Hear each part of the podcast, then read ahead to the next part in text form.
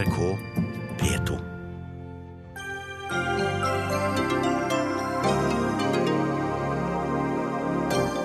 Torbjørn Jagland vrakes som leder av Nobelkomiteen. Nå vises det for all verden at arbeidet likevel ikke er upolitisk, mener William Nygaard. Har samarbeidsproblemene forsvunnet i Nydalen i dag? Vi får siste nytt fra møtet mellom regjeringa og støttepartiene. Det er et grovt brudd på presseetikken når NRK viser selvmord gjennom aktiv dødshjelp i Brennpunkt i kveld, sier overlege. Og regjeringas fokus på produktivitet har gjort oss til supersløsere, synes framtiden i våre hender. Det synes ikke Høyre.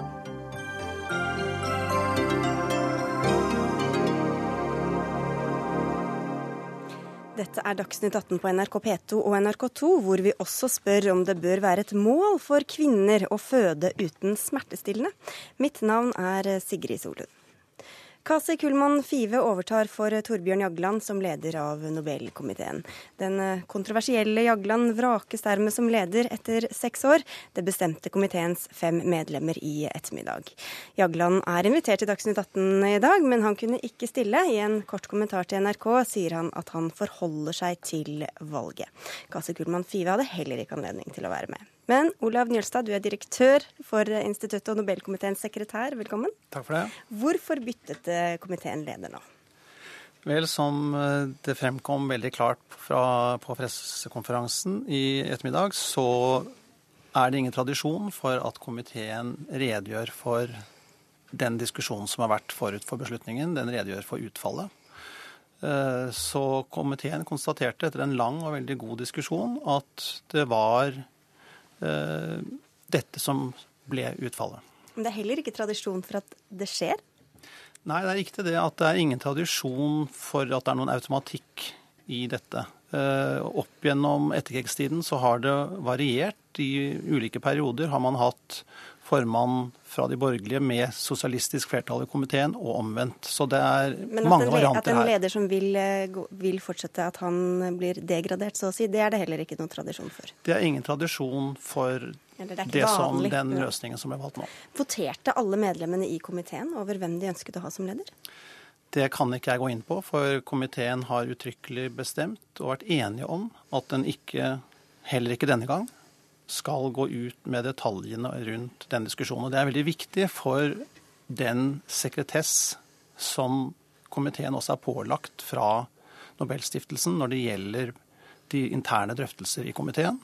Og ikke minst for at man skal kunne ha et tillitsfullt og godt samarbeid i tiden framover. Men en sånn hemmelighetsfull tilnærming gjør jo også at det blir spekulasjoner. Eh, det har vært mye debatt om hvorvidt Nobelkomiteen kobles for tett opp til norske politiske myndigheter. Hva tror du et sånt lederskifte gjør med de, den oppfatningen? Det er helt opplagt at dette kan tolkes i det lys. Det, det, det, det ligger i kortene. Eh, Hvor tungt er det veid, da? Det må man bare går ut fra at alle komitémedlemmene har tatt inn over seg og tenkt gjennom. Det er jo flere da som har eh, reagert nettopp på dette i dag, eh, bl.a. deg, Wilhelm Nygaard. Du er formann i Norske Penn, og du skriver på nettstedet Twitter i dag at når Jagland ikke gjenvelges som leder av Nobelkomiteen, vises det for all verden at arbeidet likevel ikke er upolitisk. Kan du utdype? Ja, For det første, Jagland ville gjerne bli gjenvalgt. Eh, Jagland har ikke sittet mer enn seks år. Det har skjedd et skifte, eh, og sterkere borgerlig orientert skifte i komiteen. Og i det øyeblikket dette skjer, så eh, blir Jagland byttet ut med en som har en klart høyreorientert profilering i sin politiske forankring. Utenfra sett Utenfra sett så vil dette måtte oppfattes som en, en slags markering av, kanskje sågar en bekreftelse på, at den politiske tilknytning for Nobelkomiteen er sterkere enn det man ønsker i Norge at den skal fremstå som. Med dette sier ikke jeg at Nobelkomiteens medlemmer ikke arbeider uavhengig, det er to forskjellige spørsmål. Men slik det fremstår, så tror jeg det er uheldig, jeg tror det er uklokt. De kunne ventet. Eh, Jagland kunne selv bestemt sin agenda osv. Jeg tror ikke det er en heldig eh, beslutning som er tatt i dag. Hvilket inntrykk tror du andre får? Nørstad? Eh, det er helt klart at mange vil oppfatte det slik William Nygaard gjør nå. Det tror jeg er nokså åpenbart. Men er det sant? Jeg tror vi skal høre på det Kasi Kullmann Five sa, at for hennes del, og dette gjaldt hele komiteen, så ble det klart understreket at det ikke er noen politiske føringer bak de standpunkter som ble tatt og som ble utvekslet i, i komitérommet i dag. Og det, det jeg, mener jeg det er ingen grunn til å betvile. Eh, men hvordan det oppfattes i omverdenen, er noe annet. Og da mener jeg jo at det er også et spørsmål om hvordan omverdenen velger å tolke. Altså, hvis komiteen nå hadde valgt en annen løsning, så kunne også det tolkes politisk. Så det er ikke sånn at det er bare én, ett utfall her som er apolitisk og nøytralt, og de andre utfallene er politiske. Så slik sammensetningen var nå, så var den nesten uansett utfall nødt til å gjøre en beslutning som kunne analyseres i også et partipolitisk lys. Men hva tror du Nygaard, at det kan gjøre med oppfatningen av uavhengigheten og troverdigheten til Nobelkomiteen? Eh, vi skal, vi skal ikke overdramatisere dette. Jeg tror nemlig at arbeidet i komiteen tross alt er det viktigste.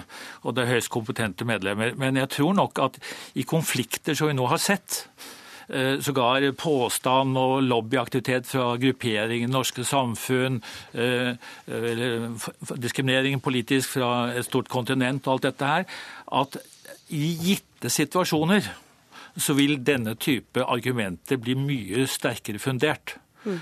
Og det blir langt større grunnlag for markeringer overfor Norge av det vi har sett fra Kinas side for fremover. Derfor er dette uheldig. Og, eh, og etter min mening helt unødvendig og kortsiktig eh, besluttet, spør du meg. Bare helt på tampene, har, det, har, dette forholdet til Kina, som ble iskaldt etter at uh, Liu Xiaobo fikk, fikk, Nobels fredspris, har det hatt noe å si for sammensetningen av komiteen nå? Sammensetningen Eller altså av hvem som fikk hvilke Overhodet ikke. Og det ble jo veldig klart understreket av Kasi Kulman Five. Hun var jo selv med å ta, ta den beslutningen og understreket jo for pressen i dag at hun hadde stått fullt og helt bak den.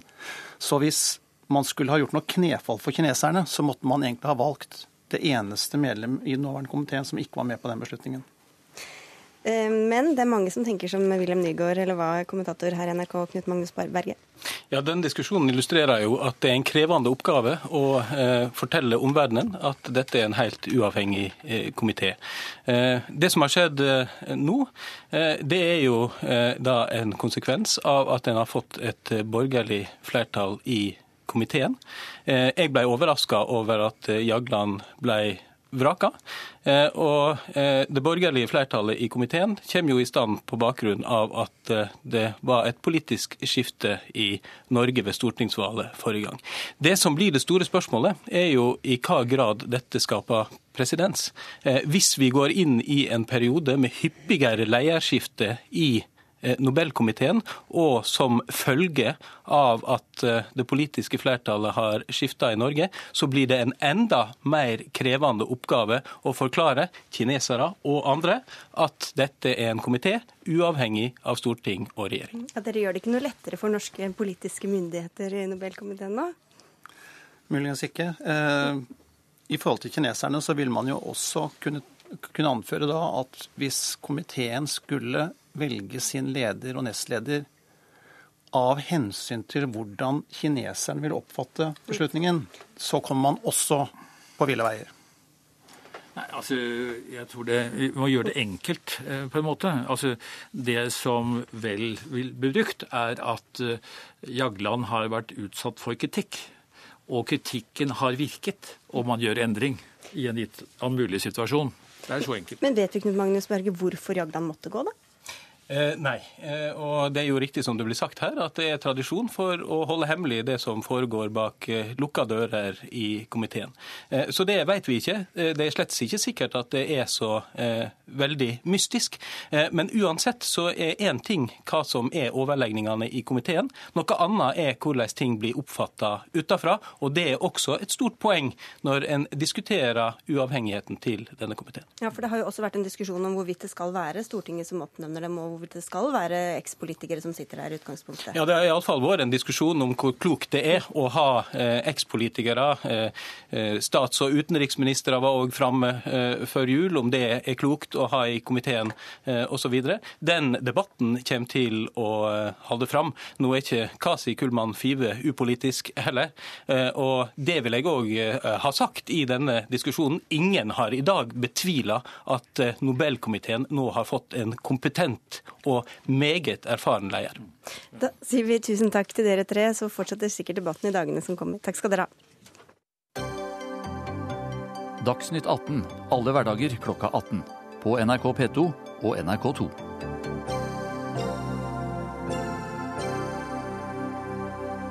Da skal vi til Nydalen, der eh, partilederne for regjeringspartiene og støttepartiene deres eh, skal holde en pressebrif etter å ha sittet eh, sammen i flere timer i dag. Vi har vært gjennom en litt krevende periode i samarbeidet, men vi skal bygge videre på veldig mye av det gode vi har fått til.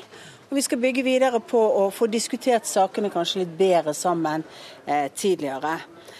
Det det har vi sett at på noen av de beste sakene vi har kanskje fått presentert, da har vi hatt gode runder også før regjeringen har lagt frem ting. Ikke for å være ferdig detaljert utformet på sakene, men fordi vi har hatt god eh, klarhet i, at, i, i, hvor vi ligger i hovedsak knyttet til, til dette.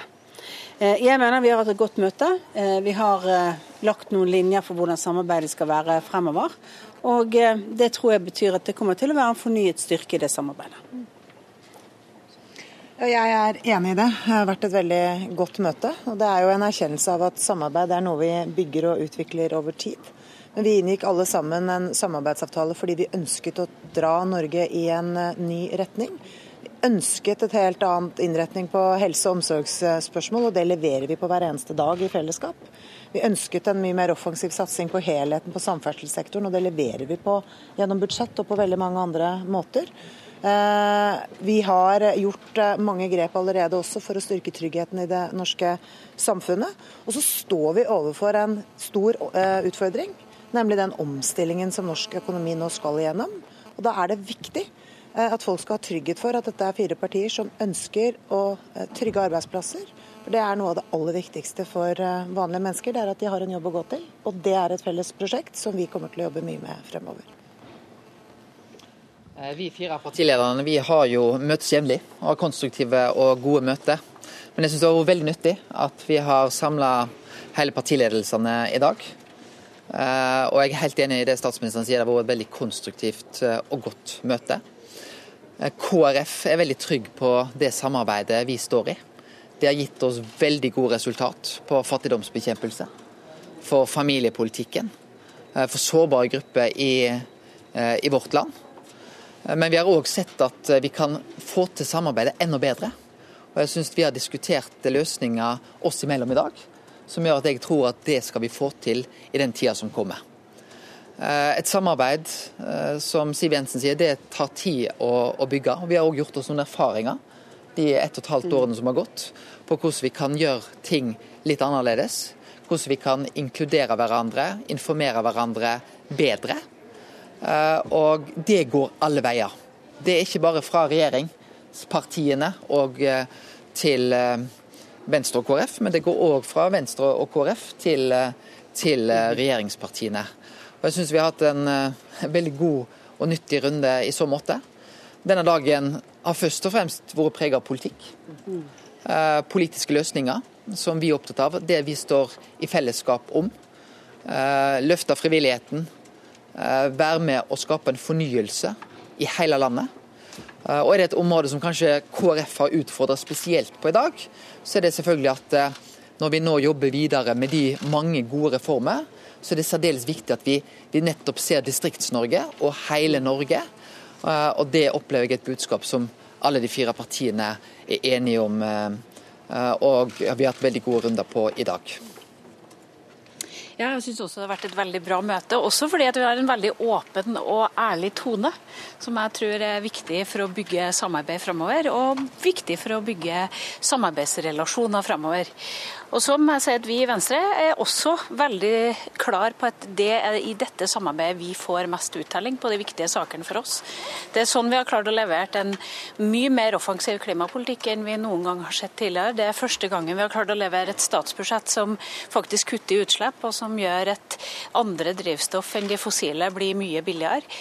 Vi har også klart å levere fattigdomssatsing for barna, som vi har vært opptatt av i så mange år, og den kunnskapssatsinga innenfor skole og forskning som vi vet at vi må trenge. Og vi vet at vi nå skal gjennom et svær omstilling av Norge. Vi skal gjennom et svært grønt skifte, både klimapolitisk, men også ut ifra at vi i dag bygger oss på en oljeøkonomi som vi vet ikke kommer til å vare. Og skal vi klare å få til det grønne skiftet, så må vi gå aktivt inn i det nå. Og vi tror at det er gjennom denne samarbeidskonstellasjonen vi skal klare å finne de løsningene som framtida trenger, spesielt for de klima- og miljøutfordringene som vi har. Da går vi over på spørsmål. Aslak. Knut Arild Hareide, i ditt parti så har det lenge vært frustrasjon knytta til Fremskrittspartiet generelt og Per Sandbergs rolle som nestleder spesielt. Eh, også langt før disse uttalelsene kom om beskyldninger om ansvar for eh, da hørte vi fire fornøyde partiledere fra pressebrifen i Nydalen, og vi kommer tilbake til noen av dem litt seinere i sendinga.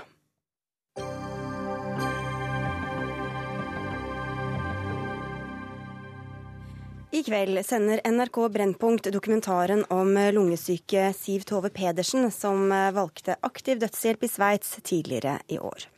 Pedersen er en av omtrent 15 nordmenn som har valgt å ende sitt eget liv i Sveits, hvor aktiv dødshjelp er lovlig. Vi skal høre et lite klipp fra rett før dødsøyeblikket. And do you know what happens when you open this perfusion that I have put into your vein? Yeah, I will die. You will die. Now it is 10:27. And if you like to you can open the, the perfusion now yourself. Yeah.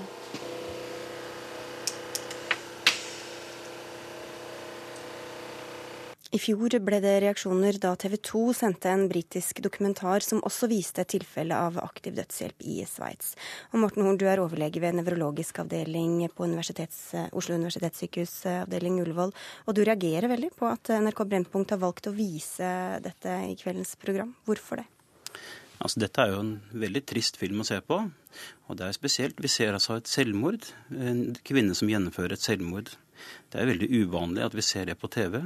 Og hvis vi viser noe så privat og noe så spesielt, så bør det iallfall være en god grunn for det. Grunnen til at jeg syns det er eh, veldig problematisk, er jo for det første av hensyn til alle de veldig mange andre selvmordsutsatte menneskene vi har i landet vårt. Vi har jo 5000-6000 selvmordsforsøk hvert år, og enda flere som har eh, selvmordstanker som kommer og går. Vi vet at selvmord smitter, som han sier. Selvmordsutsatte mennesker de oppsøker sånne reportasjer og oppslag og kan inspireres til det.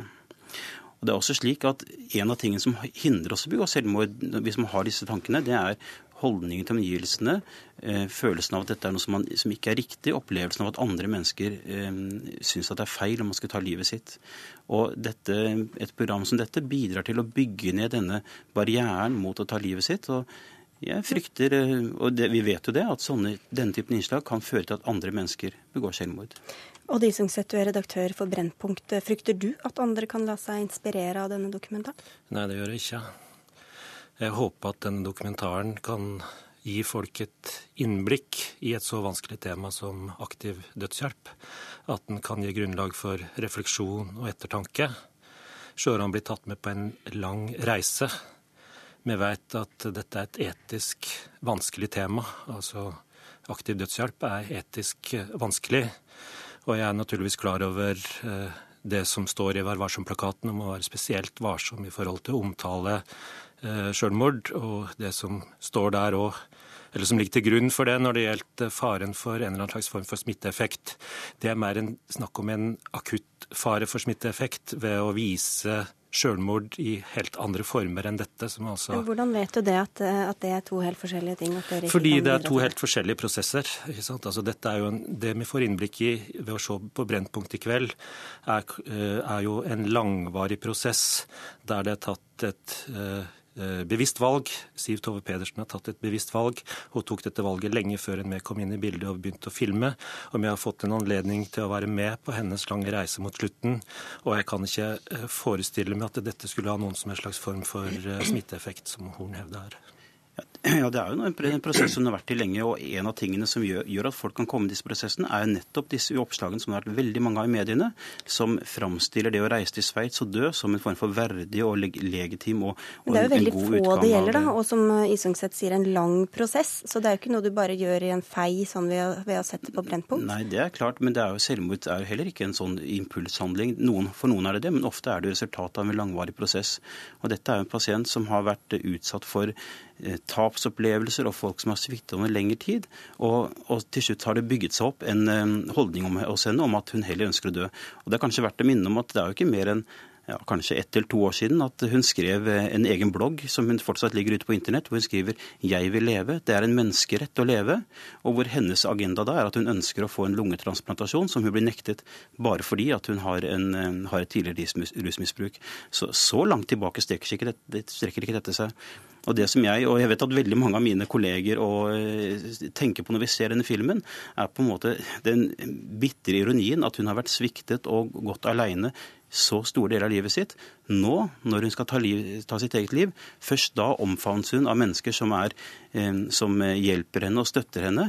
Det er på en måte Da skal hun få hjelp til, denne, til selvmordet sitt. Isungset, har dere fryktet at det kunne blitt vanskeligere for henne å angre seg fordi hun hadde dere også så tett på, på slep i livet sitt? Nei, vi har ikke frykta det, men vi har naturligvis vært oppmerksom på det. Vi har naturligvis diskutert det. Vi har laget en skriftlig kontrakt der det helt klart framgår at hennes valg overhodet ikke på noen måte må påvirkes av det at vi er til stede. Og vi har jo flere ganger underveis og spurt henne eh, om hun fortsatt står ved sitt valg, om hun er sikker på at hun vil gjøre dette. Så, så der føler jeg meg helt trygg. Men det har faktisk vært det viktigste for oss. Rent etisk så har det vært veldig viktig. Altså, Vi har hele tida vært veldig opptatt av å forsikre oss om at hennes valg ikke på noen måte skal forstyrres av at det er et kamerateam som har fått mulighet til å være nennsomt og forsiktig til stede for å dokumentere hennes lange reise. Det vil sies at Du er jo kritisk til aktiv dødshjelp sånn i utgangspunktet, men det er jo et viktig etisk dilemma og noe som det er stort politisk eh, uenighet om og mye debatt om. Så hvorfor skal man ikke da vise hva det faktisk handler om? Ja, nei, altså jeg er enig, og jeg sa det at det kunne vært berettiget å vise dette her hvis det hadde en hensikt for samfunnsdebatten. Men da er problemet at denne filmen her, den, viser, den, den kommer ikke med noen motforestillinger. Den bidrar ikke til å belyse det som er problemet med aktiv dødshjelp. fordi store deler av norske folk synes at det kunne vært greit å ha aktiv dødshjelp, at det kunne være riktig å ha det som en mulighet. Hvorfor er det ikke legalisert i Norge? Jo, det er fordi det er en lang, lang rekke med innvendinger og motforestillinger for hvordan dette skulle, eh, skulle kunne legaliseres og reguleres og kontrolleres på en god og forsvarlig måte. Denne filmen tar ikke opp det. Så den eneste gjør, at den øker forståelsen for aktiv dødshjelp, og det er for så vidt, den er, er der allerede, men den gir ikke seerne noen særlig god forståelse av hvorfor i all verden er dette fortsatt forbudt i Norge. For Hun får jo ganske mye støtte i filmen fra sine nærmeste for, for, det valget hun har tatt. Hvorfor kommer det ikke opp flere motforestillinger i den dokumentaren? Nei, jo, Motforestillingene kommer i form av kritiske spørsmål fra vår reporter. Jeg mener at dette er en eh, nennsom, verdig og forsiktig dokumentar som følger henne på denne lange reisen. Og så er det sånn at eh, Dokumentarens funksjon faktisk er å gi grunnlag for refleksjon og ettertanke. Eh, motforestillingene kommer jo fram bl.a. her nå, sånn at jeg tenker at det er ganske viktig. Andre at, som må ta seg av dem, da? Ja, men altså Sånn fungerer NRK som et mediehus. Vi viser en dokumentar og blir med på hennes reise. Det har vært uaktuelt for oss å klippe inn i den reisen folk som skulle være aktivt motstander av, av dødshjelp. Vi lager ikke debattprogram. Vi med lage et dokumentarprogram. Dokumentarens funksjon i samfunnet er å ta folk med på en opplevelse, gi grunnlag for refleksjon, ettertanke og stimulere til debatt. Den debatten har vi nå. Morten Horn, mener du at journalisten også burde grepet inn eh, og, og, altså, og forhindret dette, eller? Altså, alle vi andre mennesker, legene, eh, familiene, eh, politikerne, alle vi andre, vi jobber for å redusere forekomsten av selvmord i samfunnet vårt. Og Noe av måten vi gjør det på, er at hvis vi møter et menneske som er, som er selvmordstruet, så griper vi inn. Det, loven pålegger oss det, og prøver å hindre vedkommende i å begå selvmord dels å appellere til å fortsette å leve videre, men også rent fysisk ved å gripe inn.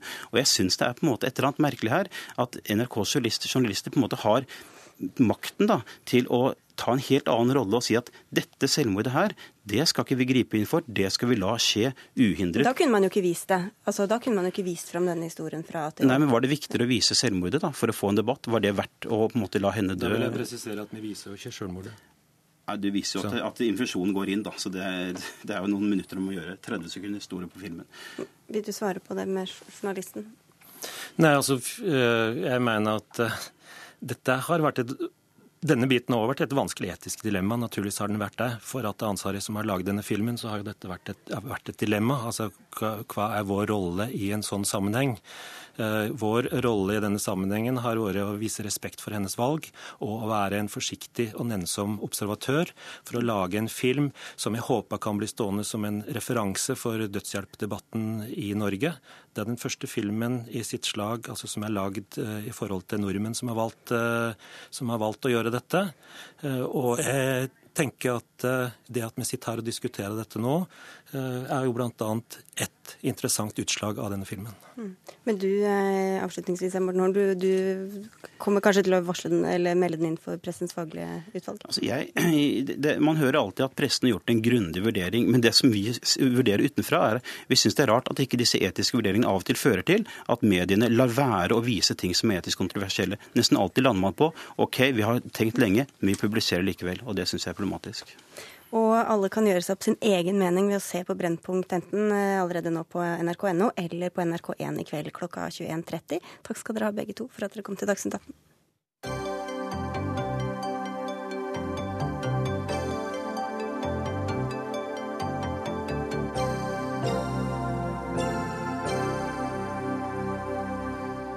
Bør det være et eh, mål for eh, kvinner å føde med så lite smertestillende som mulig?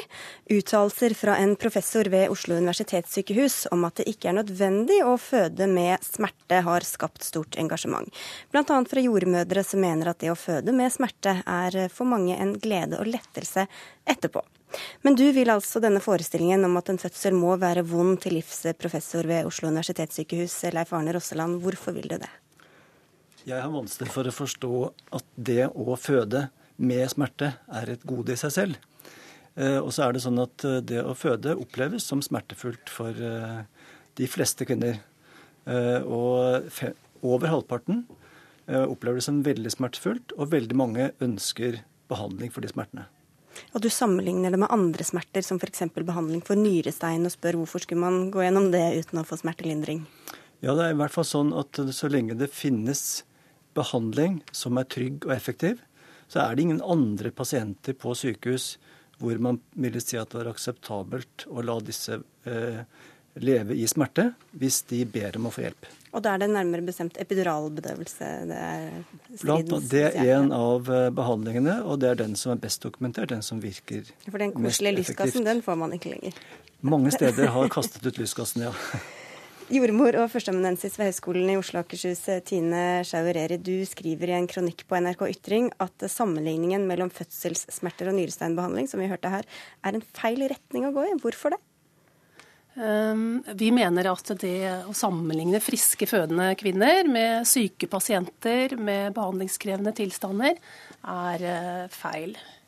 Når man er syk eller har en skade, så er jo smerten en, et tegn på at noe er galt. Eh, under en fødsel, eh, under en normal fødsel vel å merke, ehm, så er smerten et tegn på at det er fremgang i fødselen.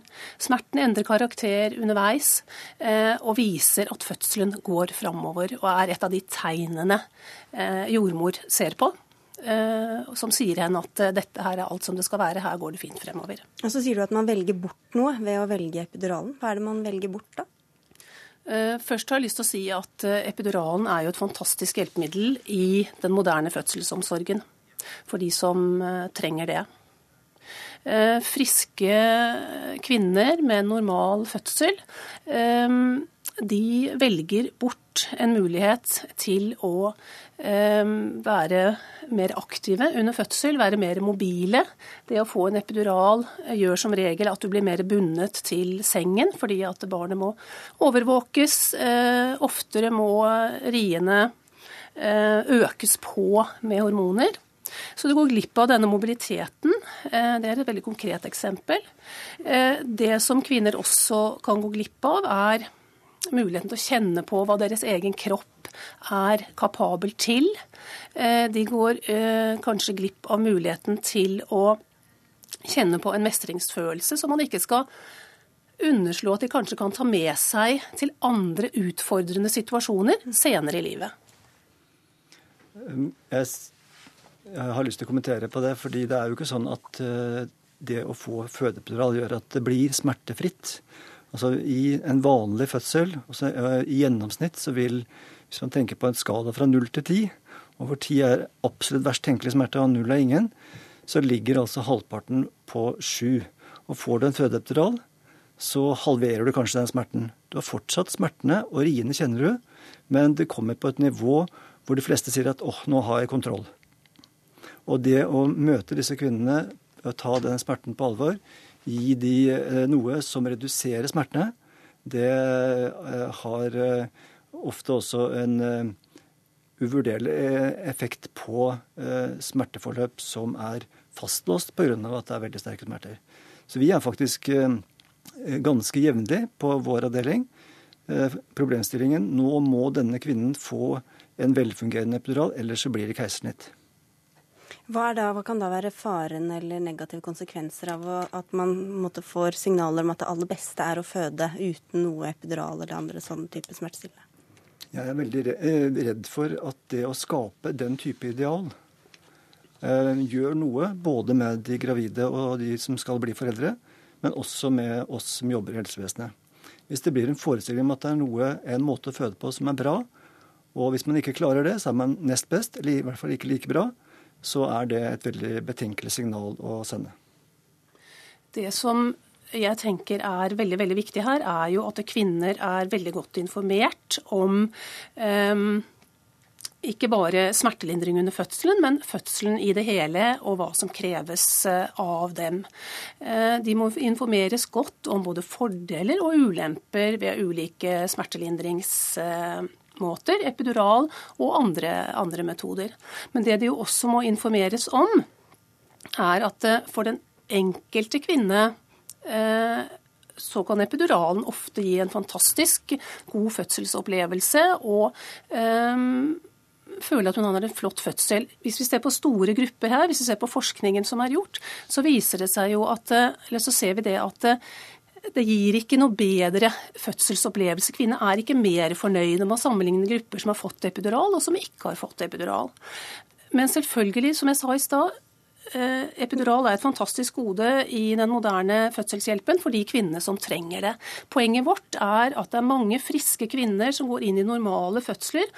Og hvor det kanskje er motsatt av det som jeg syns Rosseland antyder, at normen blir at man skal ha epidural. At det blir slik at man er spesiell fordi man ønsker å føde uten epidural. Og det er jeg også redd for.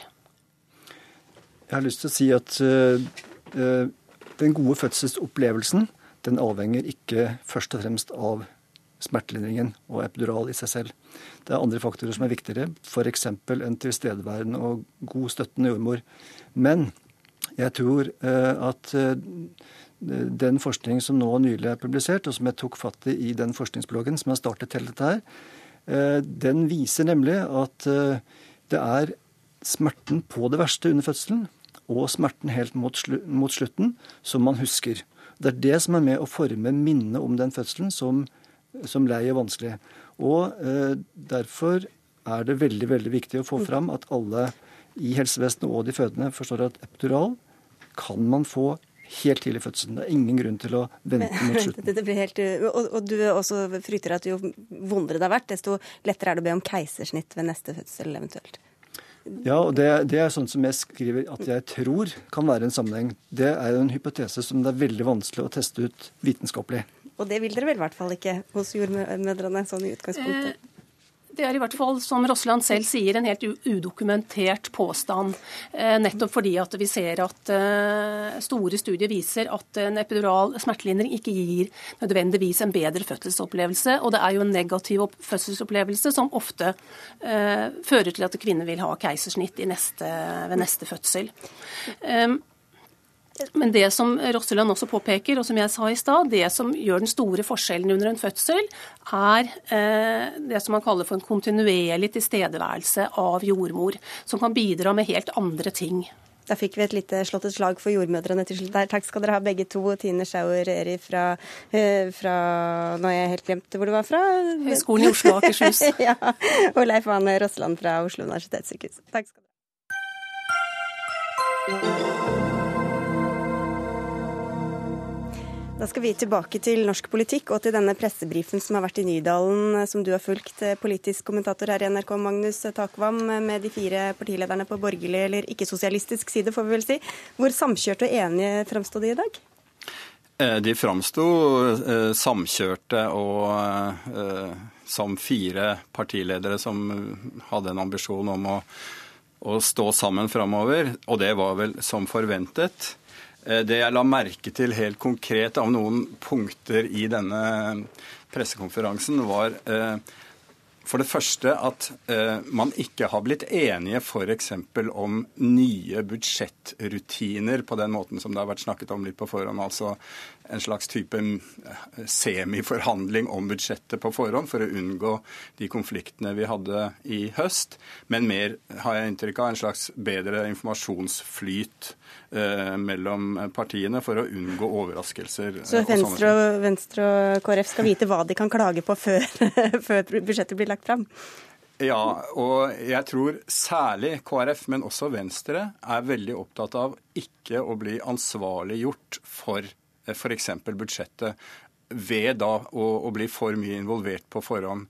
Og jeg vet at det var KrF-ere som reagerte f.eks. på statsminister Erna Solbergs uttalelser i, i, radioen i dag morges, der de i hvert fall fikk inntrykk av at hun veldig gjerne ville på en måte dra de mer inn i den reelle budsjettprosessen. De er opposisjonspartier, og det er regjeringen som har ansvaret for budsjettet. Det er de opptatt av. For Hun kaller dem jo for støttepartier og ønsker å binde dem mer til masten, kanskje. Men hva slags dilemmaer eh, oppstår da hos KrF og Venstre? For de vil vel samtidig eh, framstå som ansvarlige og ikke borgerlig kaos osv., men samtidig fremme sin egen primærpolitikk? Ja, Det er det dilemmaet de lever i hele tiden, og den spenningen vil, uh, vil, man se også i resten av denne perioden. Jeg tror nemlig det er, hadde vært veldig lite lurt eller smart av disse fire nå å late som om de i tiden framover ikke kom til å få politisk uenighet og politiske debatter seg imellom. For da ville den første måte, debatten som oppsto, være eh, kri, et, nok et krisetegn. Jeg tror de er såpass realistiske at de prøver i hvert fall å kommunisere at det vil fremdeles være politisk uenighet og debatt dem imellom. Men de prøver da å rydde bort unødvendige eh, debatter à la den plastposeavgiftsdebatten man fikk etter budsjettet f.eks., der ingen ville ta ansvar for det. Så det er de unødvendige konfliktene de prøver å rydde bort. Og så har det jo vært noe personkonflikt også mellom eh, Per Sandbergs, eh, som kom med uttalelser om Kristelig Folkeparti, og Knut Arild Hareide, altså KrF-lederen. De møttes vel i dag igjen i Nydalen. Eh, er det grunn til å tro at, at en konflikt mellom KrF og Frp kommer til å vedvare? Altså det er jo Asyl- og flyktninginnvandringspolitikken er jo eh, Der representerer de, sammen med Venstre for så vidt, sentrum og Frp ytterpunktene i norsk politikk. Det gjør de for så vidt i klima- og miljøspørsmål også. Og det tryller man ikke bort bare ved å, å stå på en pressekonferanse. sånn at man er jo klar over uh, disse politi grunnleggende politiske konfliktene. Uh, at de kommer til å leve videre. Men det var interessant også i denne pressekonferansen å høre at Trine Skei Grande sa at det er denne konstellasjonen som vil gi Norge best, eh, den beste miljø- og klimapolitikken. Så ikke overraskende er det Venstre som kommuniserer at de er mest fortrolige med denne såkalte borgerlige alliansen, mens KrF er det partiet som, som skal vi si, har mest problemer med nettopp det. Da skal vi tilbake til Nydalen og til eh, statsminister eh, Erna Solberg. Eh, hva er du mest fornøyd med, og hva ble det viktigste dere ble enige om på møtet i dag? Altså, jeg er jo mest fornøyd med at vi er enige om eh, å samarbeide tett nå når det gjelder budsjettet, når det gjelder de store sakene fremover. Eh, vi er, alle har bekreftet sin vilje og styrke bak dette samarbeidet. Eh, og det gjør jo at vi eh, ser frem til en vår hvor vi skal jobbe med å få de politiske sakene i fokus. Du eh, var jo på Politisk kvarter i dag morges og snakket om eh, støttepartiene og at alle skulle stå ansvarlig eller alle skulle stå bak eh, politikken dere sammen fremmer. Og så har Magnus Takvam og jeg her sittet og snakket om behovet for KrF og Venstre å fremme sin egen politikk. Er det litt ulike oppfatninger blant dere og støttepartiene om hvor fritt de to opposisjons-støttepartiene skal stå? Nei, det, og det er viktig å skille mellom uh, hva man uh, altså hva, å stå sammen sammen og ta ansvar for den politikken når man har gjennomført den, når man har gått inn for den. Eh, og det å kunne vise sine egne saker. Noe av det viktige er jo at vi sørger for at alle de fire partiene opplever at i sum i det samarbeidet vi har, ja så har alle partiene fått igjennom viktige saker for de. Men Forrige gang kom eh, KrF og Venstre med kritikk av regjeringas budsjett. Ønsker dere å involvere dem sterkere denne gangen og binde dem mer opp når neste statsbudsjett skal legges frem? Det blir aldri sånn at du binder opp noen til budsjettet før de har forhandlet ferdig om budsjettet. Men det er mange saker i budsjettet som har sitt utspring i samarbeidet mellom de fire partiene. Og da er det viktig at vi har diskutert og laget vinklinger på de sakene som gjør at man er fornøyd med gjennomføringen på det som er viktige saker for for, eh, som kommer ut av samarbeidsavtalen mellom partiene. Det andre som er viktig, er jo at noen store, viktige saker som regjeringen ønsker å gjøre, bl.a. det viktige arbeidet vi har på omstillingen av norsk økonomi, som vi har brukt mye tid i dag på å diskutere. Hvordan vi skal sørge for eh, mer fornyet gründerskap, eh, forskning og innovasjon, nye arbeidsplasser. At vi også diskuterer hovedvirkemidlene for det, bl.a. en skattereform, sånn at vi er enige om retningen på det. For det er tunge, viktige elementer i et budsjett budsjett. Et annet uh, enkeltsak som det har vært mye eh, uenighet om, er jo asylpolitikken. Snakket dere om dette på, på møtet i dag?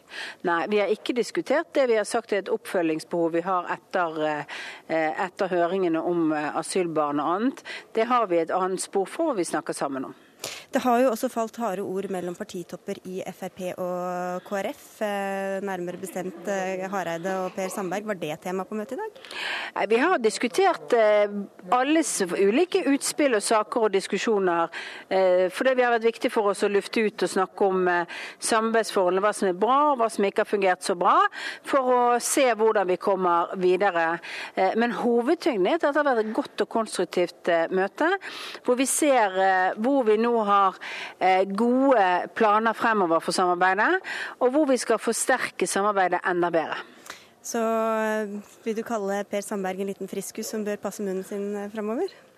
Nei, Jeg har ikke behov for å karakterisere andre politikere eh, på den måten, men jeg har eh, sagt at det han sa den gangen eh, var langt over streken, og at det var riktig at det ble be beklaget. Jeg syns ikke norsk politikk skal eh, basere seg på karakteristikker av andre. Jeg har selv blitt utsatt for de karakteristikkene og den typen ansvarliggjøring for ting som ikke har noe med, med din, eh, din rolle eller dine beslutninger som politiker. Jeg syns det er et lavmål i norsk politikk når eh, representanter gjør det. Nå skal du eh, få gi eh, mikrofonen over til eh, Siv Jensen som står ved siden av deg. Tusen takk skal du ha, Erna Solberg, for at du var med i Dagsnytt 18. Så skal Siv Jensen få på seg hodetelefonene og håpe at hun hører meg oppe i Nydalen. Er det meg du snakker til, så ja. hører jeg deg nå. ja, men Det er herlig. Erna Solberg fikk spørsmål i Politisk kvarter i morges om hvor god kontroll du har på dine egne politikere. Hvor god kontroll vil du si du har? Jeg har eh, politikere som har et ekte engasjement i det de står i, og et parti som er eh, dedikert til eh, den samarbeidsavtalen og det regjeringsprosjektet Fremskrittspartiet er en del av.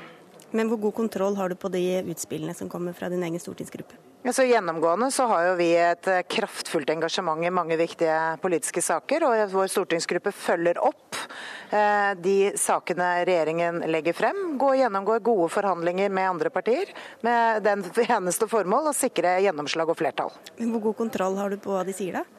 Men kjære vene, det er jo sånn at eh, alle vi politikere er det fordi vi har et ekte engasjement i det vi driver med. Eh, og jeg har altså ikke tenkt å, å på forhånd fortelle alle Fremskrittspartiets politikere hva de skal mene. Det vet de utmerket godt selv. Og det viktige er at vi klarer å behandle hverandre med respekt. og det er vi gjennomgående opptatt av. Du har jo måttet svare mye på Per Sandbergs uttalelse som du beklaget altså da han sa at KrF var ansvarlig for massakrer av barn bl.a. Men det har jo også vært andre uttalelser som har vakt mye oppsikt fra sentrale Frp-ere. Stortingsrepresentant Erlend Wiborg mente Kåre Willoch bygget opp under jødehat. Carl I. Hagen støttet Pegida-leder Max Hermansen. Var, det også over streken, mener du? Det er slik at det av og til faller uttalelser som eh, kunne vært formulert på en annen måte. Det skjer i Fremskrittspartiet som i andre partier. Jeg mener dagen her oppe i dag har vist den reelle samarbeidsviljen som er mellom de fire partiene, både de to som er i regjering og eh, Kristelig Folkeparti og Venstre. Samarbeidsavtalen gir oss et fantastisk utgangspunkt til å fornye Norge og trekke oss i en ny retning, som både handler om å styrke innsatsen til samferdsel, til helse, eldreomsorg, kriminalitetsforebygging, for å nevne noen viktige saker. Eh, og det skal vi jobbe videre med fremover. Men var de uttalelsene over streken? Altså, jeg har ikke noe behov for å sette karakterer på det. Jeg registrerer at det av og til faller ord som kunne vært formulert på en annen måte. Og så har vi vært enige i dag om å rette blikket fremover, og det syns jeg er en veldig konstruktiv tilnærming. Og som du sier, så skyldes det jo et stort engasjement hos eh, både dine og andre politikere, selvfølgelig. Hvordan tror du det er hvis Fremskrittspartipolitikere skal legge bånd på seg i frykt for å hisse på seg noen nå? Tror gjennomgående så trenger ikke Frp-ere å legge bånd på seg. De har et ekte engasjement for å gjennomføre det programmet vi har gått til valg på, og som er en betydelig del både av samarbeidsavtalen og den plattformen vi regjerer på. Det er en vanvittig stor stolthet i Fremskrittspartiet over alt det vi får til hver eneste dag, som vi ikke ville fått til i opposisjon. Tusen takk skal du ha, Siv Jensen. Da skal vi få med en tredjemann eh, her, eh, Knut Arild Hareide fra Kristelig Folkeparti, som også skal få hodetelefoner og mikrofon. Eh, Hareide, er alt godt igjen og tilgitt nå mellom deg og Per Sandberg? Du, dette har vært en sak, dag der vi har først og fremst diskutert politiske saker. Det er første gang jeg møtte Per Sandberg etter den runden vi hadde i Dagsnytt 18 for en og halv uke siden. Men dagen i dag så har ikke vi brukt så mye tid på den episoden. Vi har brukt tid på ja, de politiske sakene framover. Men hvordan var det å møte ham igjen, da? Du, det var helt greit. Eh, vi har hatt en ærlig dag. Vi har eh, hatt en ærlig runde, ikke bare mellom Per Sandberg og meg, men egentlig mellom alle de som har vært eh, til stede i de politiske ledelsene fra Høyre, Fremskrittspartiet, Venstre og KrF. Og jeg tror ikke den episoden har satt sitt store preg på dagen. Men du sa jo klart ifra at da var smertegrensen nådd. Hva kommer du til å gjøre hvis tilsvarende situasjoner oppstår i framtida? Det er et hypotetisk spørsmål, men det som var viktig for meg å si, var at eh, den type karakteristikker er uakseptabel. Det opplevde jeg at eh, både statsminister og Siv Jensen òg sa mm. veldig tydelig fra om. At vi ønsker ikke Du regner med at de passer på det framover? Ja, De satte en tydelig signal og sa at her gikk en over streken, og det er jeg glad for. For jeg tror at eh, Jeg ønsker veldig gjerne å delta i debatter, men det skal være debatter om politiske saker, og ikke den type karakteristikker. Dere var jo kritiske til store deler, eller i hvert fall mange poster, på regjeringas forrige statsbudsjett. Kommer dere framover til å være mer involvert før budsjettet legges fram? Jeg tror eh, i hovedsak så må vi følge det systemet vi har. Eh, enten sitter en i regjering, eller så sitter en ikke i regjering. Men vi har jo òg gjort oss noen erfaringer om at vi kan forbedre selve prosessen. Jeg tror eh, f.eks. å komme til kjerne av det som er utfordringene med et budsjett. Gå tidligere i gang med å finne løsninger på kall det da hovedutfordringene, og dermed òg finne fram til gode løsninger på et tidligere tidspunkt. Jeg tror den prosessen vi hadde i høst eh, tok eh, for lang tid. Eh, og der finnes det forbedringspotensial. Både for regjeringa, men òg for Venstre og KrF. Men Hvordan skal dere klare å bli mer involvert, samtidig som dere ikke bindes opp til den samme politikken? Altså det er jo sånn at eh, Vi vil først se helheten av et budsjett når det kommer til Stortinget. Derfor så kan ikke vi gå god for noe og i realiteten si en endelig go før eh, dette budsjettet vedtas eh, i Stortinget. Det er da vi har en reell muligheten til å, å, å se helheten for. Men eh, regjeringa vet jo veldig godt hvilke saker som er viktige for Venstre og KrF. Eh, vi har hatt en ny runde på, på den type saker som, som vi prioriterer. En vet at fattigdomsbekjempelse er viktig for KrF. Og velger regjeringen eksempelvis å prioritere det, så er det klart at det er noe som som vil bli veldig godt mottatt i KrF. og Det var vel den type signal vi ga i dag. Ja, De vet hva de skal gjøre for å glede deg? Det tror jeg de godt vet eh, hvor vårt engasjement ligger.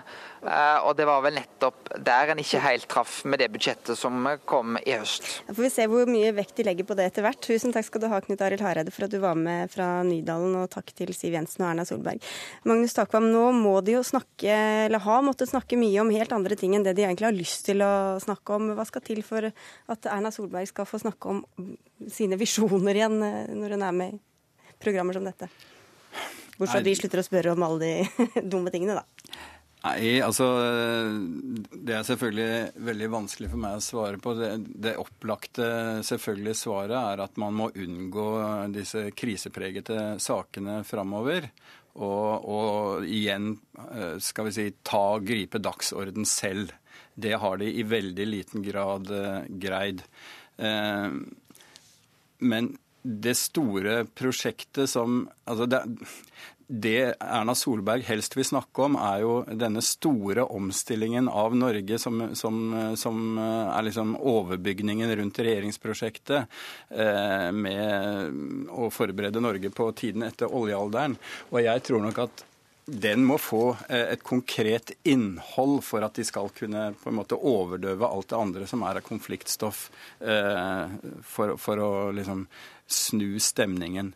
Eh, det som jeg tror er den reelle kampen, maktkampen i, i tiden som kommer, er kampen om Kristelig Folkeparti. Altså det, det er eh, realpolitisk slik at skal eh, denne regjeringen ha mulighet til å overleve, så tror jeg ikke det er tilstrekkelig med eh, Høyre, eh, Frp og Venstre i stortingsvalget i 2017.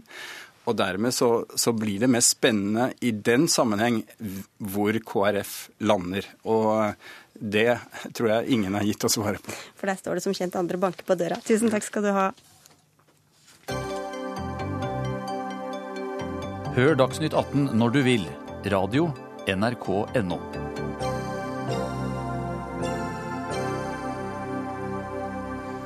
Under tittelen 'Sløsaktige Høyre' advarer Framtiden i våre hender i Dagbladet mot at vi i Norge er i ferd med å sløse oss og miljøet i hjel.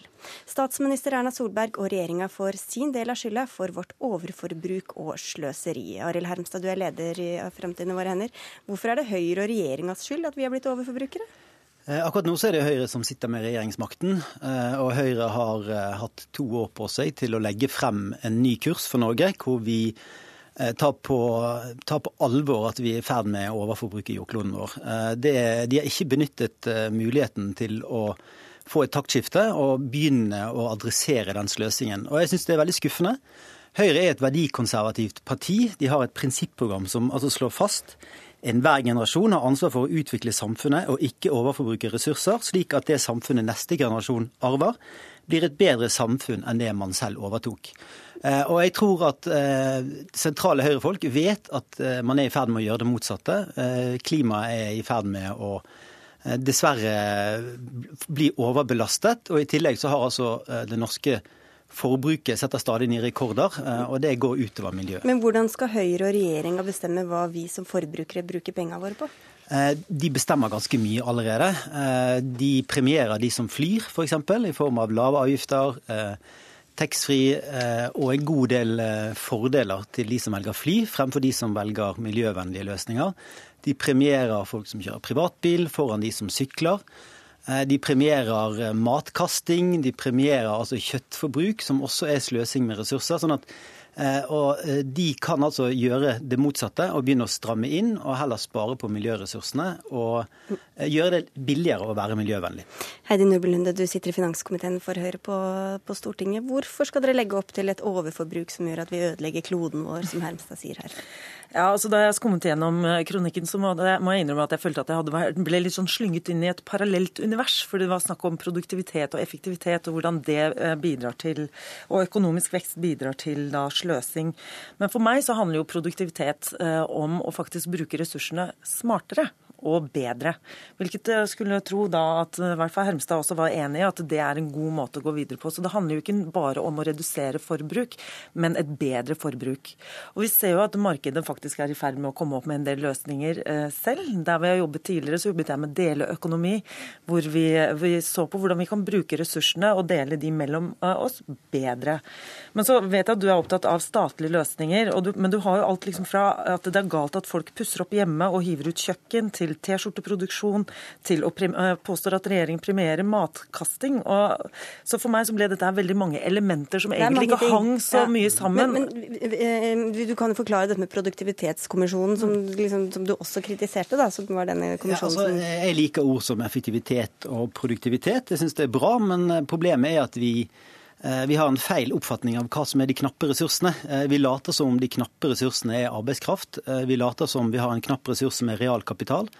Mens de knappe ressursene i dag er i ferd med altså Det er klimaet som ikke tåler mer. Så vi skal ikke bli mer produktive, sånn som eh, Høyre og regjeringa ønsker? Eh, jo, vi er nødt til å bli mer produktive. For vi er nødt til å utnytte naturressursene mye bedre enn vi gjør i dag. Eh, og da må vi altså slutte å stimulere til en økonomi som fremmer sløsing, og som gjør at vi Det blir positivt i regnskapet hvis nordmenn altså, i dag så kaster vi én av fem plastposer med mat som vi tar med fra butikken. Fullt spiselig mat. Hvis vi øker matkastingen, så blir det produsert mer mat. Det ser bra ut i bruttonasjonalregnskapet vårt. Eh, og det er den type økonomisk eh, tenkning som er veldig problematisk. Produktivitetskommisjonen kom nettopp med sin rapport, snakker ikke om dette overhodet. Produktive på feil ting, altså, Heidi Nordby Lunde? Ja, altså At folk kjøper for mye mat er vel noe som ikke kan lastes for eh, regjeringen. og Jeg ser at butikkene selv er i ferd med å ta tak i det med å ha egne avdelinger for mat som ser litt rar ut eller, eller, eh, er i ferd med å gå ut på dato, sånn at man kan ha et aktivt valg og at man kan velge disse varene. Men for meg så handler jo økonomisk vekst og, eh, og bærekraftig utvikling ikke om at dette er motsetninger. Tvert imot så mener jeg at økonomisk vekst er en forutsetning for en bærekraftig utvikling. Fordi vi trenger en omstilling omstilling, en økonomiomstilling fra en oljeøkonomi til å, å kunne investere f.eks. I, i grønne alternativer. Men trenger vi økt kjøpekraft, sånn som, sånn som man også ønsker? Man kan jo se på eh, økt produktivitet som et valg som jeg også kan ta som enkeltindivid. Og si at ja, jeg øker produktiviteten min, jobber litt mer effektivt, tjener mer penger. Men hva jeg bruker de pengene til, er jo opp til meg. Og det jeg kan jo bruke det til, og kanskje velge å arbeide mindre. Men jeg må innrømme at når jeg først er i jobb, så, så forbruker jeg jo ikke så mye. Da. Så I henhold til Hermstads ligning så burde det være bedre å få flere folk i arbeid for å tjene mer penger, for at de ikke er hjemme og forbruker. Men hvordan legger dere til rette for at vi ikke skal sløse? Og da ikke skal kaste mat og ikke skal varme opp hytta til eh, mange tusen når ikke vi er der, osv. osv. av alle de punktene som Hermstad nevner? Ja, men Da kan vi komme inn på tiltak som vi kan diskutere. Men jeg, jeg har lyst til å understreke at det, jeg syns det er veldig fint at Hermstad tar fram eh, nettopp det generasjonsregnskapet som Høyre er opptatt av, og de verdimessige tingene som ligger i bunnen. Nettopp som sier at vi skal overlate kloden i bedre stand enn da vi begynte å jobbe med den. Og Da har du mange virkemidler. og Jeg tror nok du også vil gi oss noe ros for at vi har fått et skifte f.eks. gjennom bilavgifter til å bruke flere elektriske biler, som vi nå har en diskusjon om skal vi gå tilbake på, fordi at man ikke syns at dette her er en god nok uh, ordning. Så vi må diskutere disse men, ordningene som eh, helhet. Eh, vi har rost både Høyre og de som hadde makten før, for at vi har fordelene for elbil. Det er et eksempel på noe som kan bidra til et skifte. Men vi trenger jo elbilpolitikk på en haug med andre områder. Altså, hvis du velger å sykle, så får du et elendig eh, eh, ram... Altså, du får ikke gode sykkelveier. Hvis du velger å ta toget, så får du et elendig rutetilbud. Så helheten er ikke god. Altså, helheten altså, peker ikke riktig retning. Vi trenger en hel haug med områder med elbilpolitikk hvis vi skal klare den omstillingen som vi må gjennom. Og da Eh, når, når, Høyre tenker at vi skal eh, overlevere kloden vår i en bedre stand, så tenker de først og fremst på penger. Altså De skal ha mer penger enn det vi hadde. Og det er ikke det som er den knappe faktoren for de generasjonene som kommer etter oss. Den knappe faktoren er at vi skal ha et klima som er levelig, og vi skal ha en klode som, som tåler de belastningene vi har. Ja, for å bare eh, gjenta det du sjøl sa, at enhver generasjon har ansvar for å utvikle samfunnet og ikke overforbruke ressurser, det mener jeg faktisk ikke står i stil til det du påstår at Høyre mener. I tillegg så har du i den kronikken, og da, da lurer jeg på hva er alternativet er alternativ økonomisk stagnasjon. Og du sier også at landbruk og det at vi kjøper billig mat, skal vi da legge ned norsk landbruk? Legge ned opplysningskontoret for, for kjøtt? Som ikke var opptatt av at maten bare skal bli billigere, f.eks. Og Men det, det har Høyre bidratt til. Man er opptatt av at landbruket skal ha eh, gode eh, vilkår, og vi har for første gang på mange mange år eh, positiv trekk i, i landbruket da under en Frp-minister. Ja, og inne i en helt annen debatt. Du får skrive en ny kronikk med forslag, Arild Heimstad. Takk skal du ha. Tusen takk til deg også, Heidi Nordby Lunde. For Dagsnytt 18 er over for i dag. Det var Ida Tune Øretsland som hadde ansvaret for innholdet i den. Teknisk ansvarlig var Lisbeth Sellereite, og jeg heter Sigrid Elise Solund.